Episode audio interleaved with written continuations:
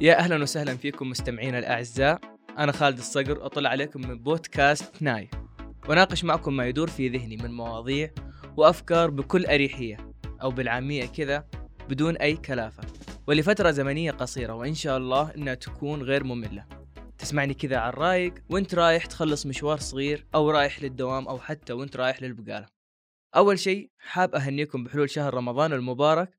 كل عام وأنتم ومن تحبون بخير. والله يبلغنا وإياكم عيد الفطر المبارك لا فاقدين ولا مفقودين.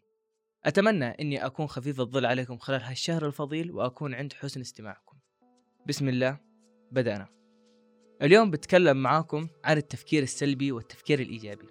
في مقال رائع قرأته في الإنترنت يقول التفكير السلبي هو التشاؤم في رؤية الأشياء. يعني مثلا شخص مر من قدامه غراب مسكين ماشي حاله في حال نفسه بمجرد ما يشوفه يتبادر في ذهنه إنه اليوم ما راح يمر على خير أو راح يسمع خبر سيء. أو مثلا كان نفس الشخص بالاستراحة أو بجمعة أصدقاء. وضحكوا كثير وبالأخير لازم تسمعوا يقول هالكلمتين الشهيرة اللي بمجتمعنا اللي تهدم كل هاللحظات الحلوة. الله يستر من هالضحك. وما إلى ذلك من كلمات طبعا.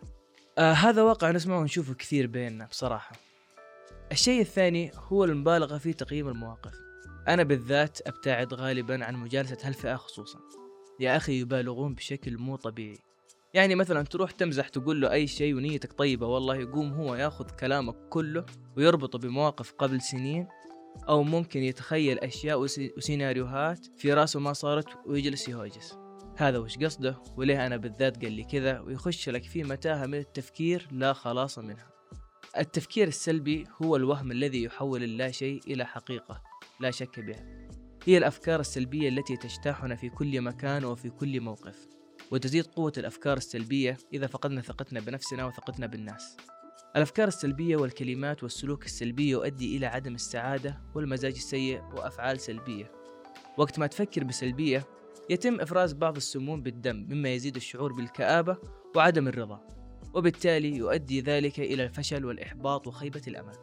طيب خلونا نتكلم عن عكس التفكير السلبي اللي هو التفكير الإيجابي. هو سلوك عقلي يقوم بترجمة الأفكار والكلمات والتصورات العقلية ويجعلها قابلة للنمو والتوسع وتحقيقها بنجاح. هو جهد عقلي يتوقع نتائج جيدة ومرضية. العقل الإيجابي يدفع إلى السعادة والفرح والحب.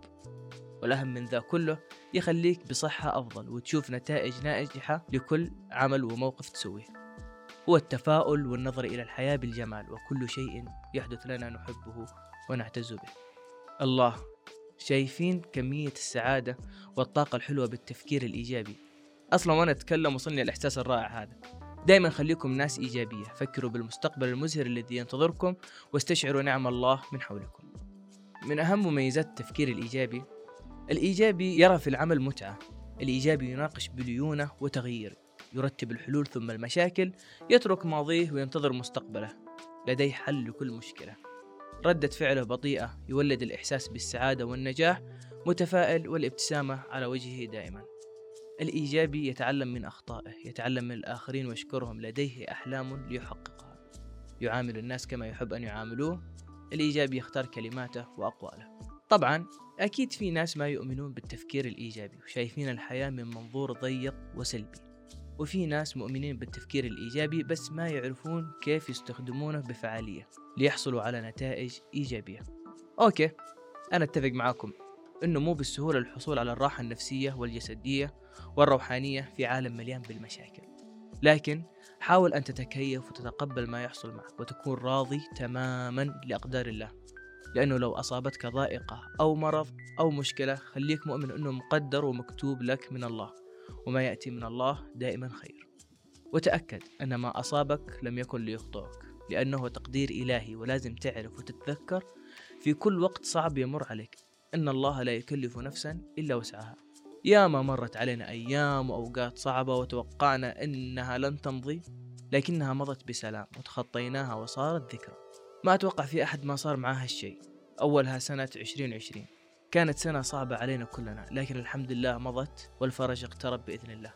لذلك لازم نسيطر على مشاعرنا وسلوكنا على الرغم من المصاعب والتحديات فلا بد لنا من مراقبة طريقة تفكيرنا ومحاولة تغييرها لأفكار إيجابية ومنطقية لأنها حتما ستؤثر على حاضرنا ومستقبلنا. وهنا أنا بعطيكم نصائح توصلكم إلى التفكير بإيجابية أكثر. الثقة بالنفس هذا أهم شيء من الأسس الأساسية للتفكير الإيجابي. شوف نفسك بتلاقي أنه عندك الكثير من القدرات التي منحك إياها الله ولم يمنحها لغيرك. وإذا كانت عندك عيوب تأكد أنه مو بس أنت حتى الآخرين عندهم. وحولها إلى إيجابيات. وأحيانا هذه العيوب يكون خصصها لك الله من معزته لك وليميزك عن باقي الناس.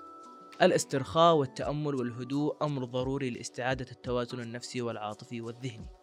حط لنفسك أهداف عملية ويمكن تحقيقها. تواجد في المجتمع وشارك في الحياة الاجتماعية واحذر من الانطواء والعزلة. تعامل مع الأشخاص الإيجابيين وتعلم منهم.